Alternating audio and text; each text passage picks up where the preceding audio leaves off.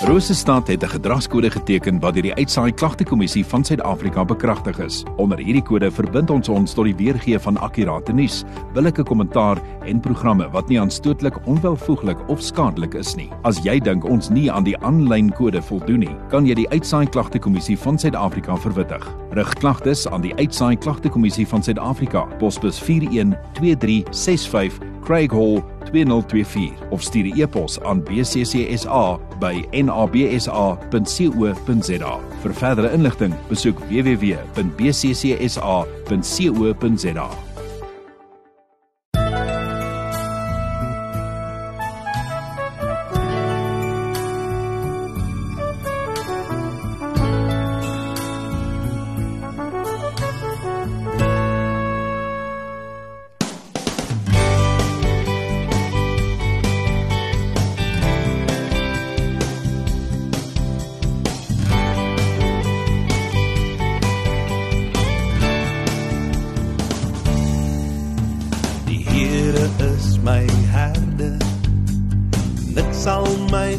ontbreek nie.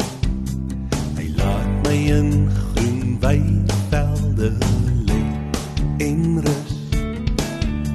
Na waters waar rus is. Lei hy my in. Hy verkoop my siel en lei my op die regte pad.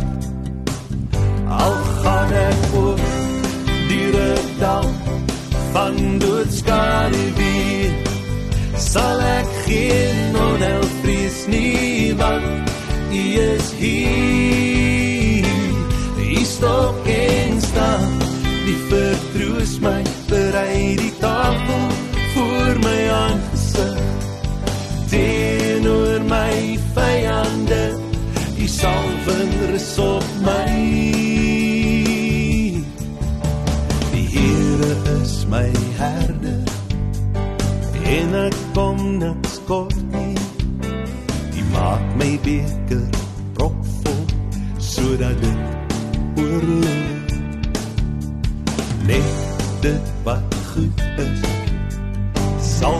my gebeur en ek sal by U bly vir ewig. Al gaan ek oor deur dal van doodskade weer sal ek geen onheil vrees nie want u is hier. U stop en staan die vertroos my berei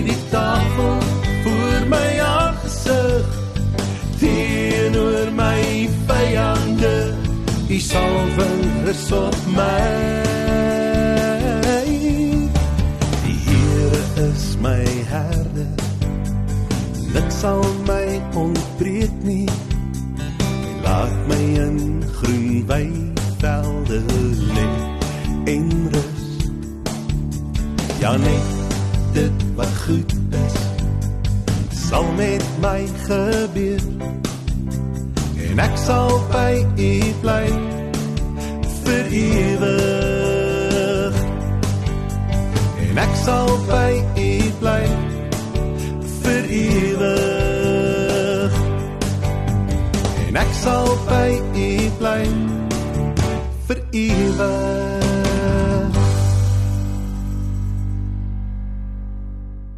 Goeiemôre. Kan jy glo dis al die eerste Saterdag van die nuwe jaar? Dankie dat ons so saam kan kuier rondom die Here se woord.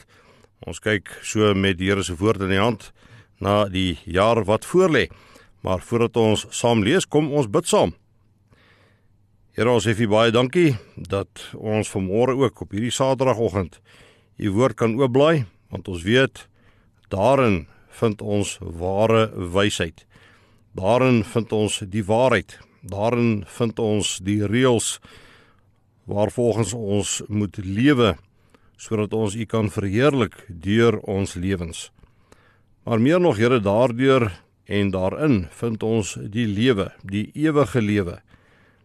Dankie dat U dit aan ons bekend gemaak het sodat ons U daardeur kan ken en U kan lief hê. Dankie dat U ons eerste lief gehad het, dat ons U kan teruglief hê waar ons nou gaan lees uit die woord uit maak dit vir ons verstaanbaar. Gee dat dit deel sal word van ons lewens wat ons sal kan gaan uitlewe daar buite in Jesus se naam. Amen. Ons lees op hierdie eerste Saterdag uit Lukas hoofstuk 13 en ons gaan lees vers 1 tot 9. Veral vers 6 tot 9 wat ons teksgedeelte is. Die opskrif hier is: Bekeer julle. Juis in daardie tyd het mense vir Jesus kom vertel van die Galileërs vir wie Pilatus laat doodmaak het, waar hulle besig was om hulle offerdiere te slag.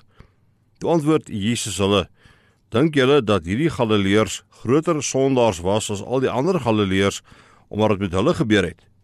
Nee, sê ek vir julle. Maar as julle julle nie bekeer nie, sal julle net soos hulle ook almal omkom. Of daardie 18 wat dood is toe die toring van Siloam op hulle ineengestort het. Dink julle dat hulle skuldiger was as al die ander inwoners van Jerusalem? Nee, sê ek vir julle.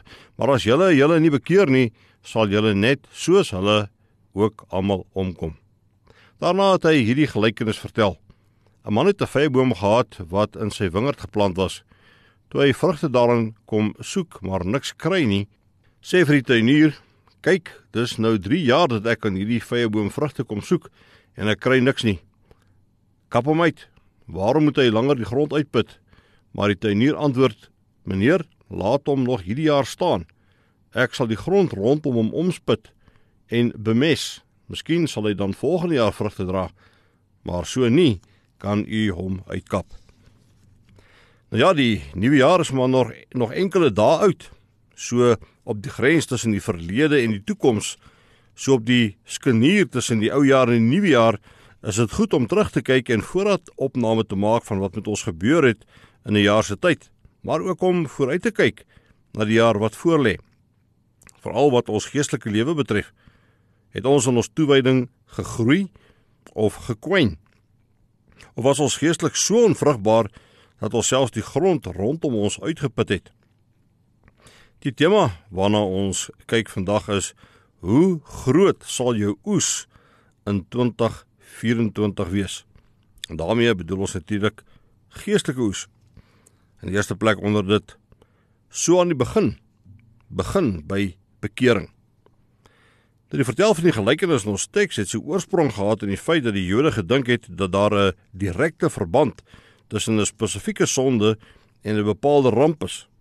So het ons in die eerste 4 verse van ons skrifgedeelte gesien dat mense vir Jesus gevra het of die Galileërs wat deur Paulus doodgemaak is terwyl hulle hul offers gebring het, meer sondig was as ander mense. In ons skrifgedeelte sê die Here Jesus dan vir hulle in vers 2 en 3: Dink julle dat hierdie Galileërs groter sondaars was as al die ander Galileërs omdat dit met hulle gebeur het? Nee, sê ek vir julle. Maar as julle julle nie bekeer nie, sal julle net soos hulle ook almal omkom. Daar was ongeveer in dieselfde tyd nog 'n skokkende ramp. Die toring van Siloam het ineengestort en 18 persone het omgekom.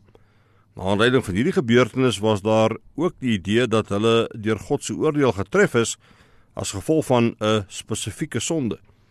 Deur Jesus het dan in vers 4 en 5 die volgende daaroor te sê: Of daardie 18 wat dood is deur die toring van Siloam op hulle ineengestort het, dink julle dat hulle skuldiger was as al die ander inwoners van Jerusalem?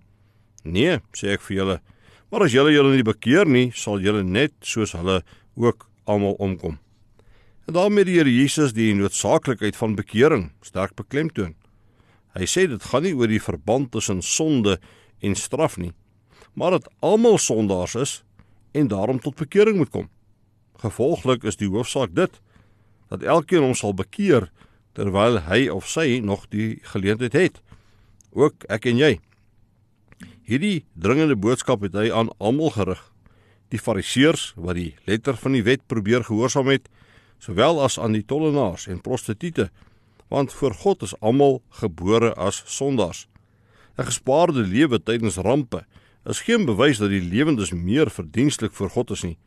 Inteendeel, 'n gespaarde lewe is eerder 'n bewys van die Here se geduld wat aan die lewendes en oorlewendes geleentheid gee om hulle te bekeer.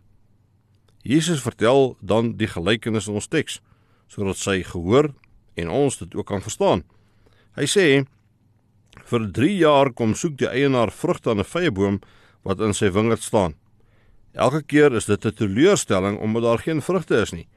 En daarom beveel hy dan ook dat die boom uitgekap moet word. Die tuinier tree egter in vir die boom. Hy vra vir 'n jaar se uitstel. Hy sal die boom baie goed versorg. As hy dan vrugte dra, word hy behou. So nie word dit uitgekap. Daar word algemeen aanvaar dat die vyeboom wat Jesus in Matteus 21 vervloek het, 'n beeld van die Joodse volk was. Die Joodse godsdienstige lewe was soos 'n boom met baie blare, maar sonder vrugte. Hierdie boom het dan binne die wingerd van die Here gestaan. Trouwens, die wingerd van die Here, oftewel sy kerk, ontwikkel en brei uit rondom hierdie boom Israel. Maar aangesien die boom self nie vrugbaar is nie, benadeel dit die hele wingerd en daarom moet dit uitgekap word. As ons veronderstel dat die Here Jesus self die tuinier is, dan besef ons dat hy vir die mensdom by die Vader intree wat dan in hierdie verhaal die eienaar van die tuin is. In die gestalte van 'n tuinier pleit die Here Jesus vir die behoud van 'n onvrugbare vyeboom. Meneer, sê hy, laat hom nog hierdie jaar staan. Ek sal die grond rondom hom omspit en bemes. Miskien sal hy dan volgende jaar vrugte dra. Maar so nie kan u hom uitkap. As hy uiterlike moes dit 'n pragtige boom gewees het. Dit staan binne die wingerd en ontvang dieselfde behandeling as die wingerd. Maar steeds dra dit nie vrug nie. So gaan dit al die afgelope 3 jaar. Dit gaan nie letterlik oor 3 jaar nie, maar om die feit dat voldoende tyd aan die boom gegee is om vrug te lewer. Sy vrugteloosheid is nie te wyte aan 'n slegte seisoen nie. As hy vir 3 seisoene aan een niks dra nie, lê die fout tog by die boom. Dit het ook nou 'n bedreiging vir die wingerd geword. Dit maak die grond ook onvrugbaar. En as die grond onvrugbaar word, sal die wingerd later ook nie meer vrugte dra nie. Dit bring ons dan in die tweede plek by die vraag: moet ek gaan met leë hande. Deur Jesus wou met hierdie gelykenis sê dat wie nie vrug dra in die gemeente van Christus nie, werk skadelik in op die res van die gemeente. Indien die boom nie gunstig reageer nie, is dit bestem om vuur van gemaak te word. Ja, vir elke mens wag daar 'n tyd van rekenskap wanneer God hom daartoe oproep. 'n Gespaarde lewe is slegs uitstel, maar die uitstel is genadetyd. Ons kyk terug op 2023 wat ten einde geloop het. In ons teks het ons gesien hoe daar ook 'n einde van 'n era aangebreek het. Die eienaar van die tuin het na 3 jaar besluit om die vyeboom uit te kap want dit het nie vrugte gedra nie. As die eienaar van die tuin vanoggend aan die begin van die nuwe jaar moes kom inspeksie doen oor ons lewens, wat sou sy bevinding wees aan die einde van die era van 2023? As die Here vandag sou vra na die vrug van jou lewe, waarop hy geregtig is, wat sou jy hom kon bied? Het jou geestelike lewe dalk ook nou al vir 3 jaar geen vrug gelewer nie? Sal jy ook vanoggend na aanleiding van die haleluja lied moet bely, moet ek gaan met leë hande, moet ek so my Heer ontmoet. Nie een dag aan hom gewy nie, niks te offer aan sy voet. Moet ek gaan met leë hande, moet ek so my Heer ontmoet. Nie een siel gelei na Jesus nie niks te offer aan sy voet. En dan die derde plek, die nuwe jaar is dalk 'n laaste kans. Genadiglik tree die Here Jesus ook vir ons in. Ook vir ons sê hy vanmôre vir die Vader, gee hulle nog 'n jaar kans. En so aan die begin van die nuwe jaar moet ons in dankbaarheid besef dat die Here ons nog 'n jaar gee om vrug te dra. Hoe lank die geleentheid sal duur, weet ons nie. 'n Jaar gaan gou verby. Daarom moet ons vinnig reageer op die genadewerk van God. Die Here is op soek na vrug wat by die bekering pas. Kom ons neem ons vandag voor om in die nuwe jaar meer as ooit te fokus op geestelike groei. Hoeveel dae daar sal wees in die jaar van genade, weet ons nie. Wat ons wel weet is dat die Here beslis aan die einde daarvan sal kom kyk of jy vrug gedra het. Maak in die jaar wat voorlê op vir die geestelike vrug wat jy verloor het die vorige jaar. 'n Man het 'n vyeboom gehad wat in sy wingerd geplant was. Toe hy vrugte daaraan kom soek en niks kry nie, sê hy vir die tuinier: "Kyk, dis nou 3 jaar wat ek aan hierdie vyeboom vrugte kom soek en ek kry niks nie. Kap hom uit, Waarom moet hy langer die grond uitput? Maar die tuinier antwoord: Meneer, laat hom nog hierdie jaar staan. Amen. Kom ons bid saam. Here ons sê vir baie dankie dat U ons oneindig liefhet. Baie dankie dat U ons geroep het as U kinders. Dankie dat U in ons gewerk het sodat ons nie anders kon as om tot bekering te kom nie, om U te aanvaar as verlosser en saligmaker nie. Ons bid dat ons sal vrug dra wat by die bekering pas. Dat wanneer U daardie vrug kom soek, dat daar 'n oorvloedige vrug sal wees, sodat ons ook nie met leë hande na U sal gaan nie. Dankie vir die genade tyd en ook 'n genade jaar. Ons sien uit daarna om ook hierdie jaar saam met U te stap in Jesus se naam. Amen. Hemelreën Voluit genade Voluit die hoogtes Op hierdie aarde En elke siel En hierdie mensdom. Sal weet dat Jesus Vir ons sal kom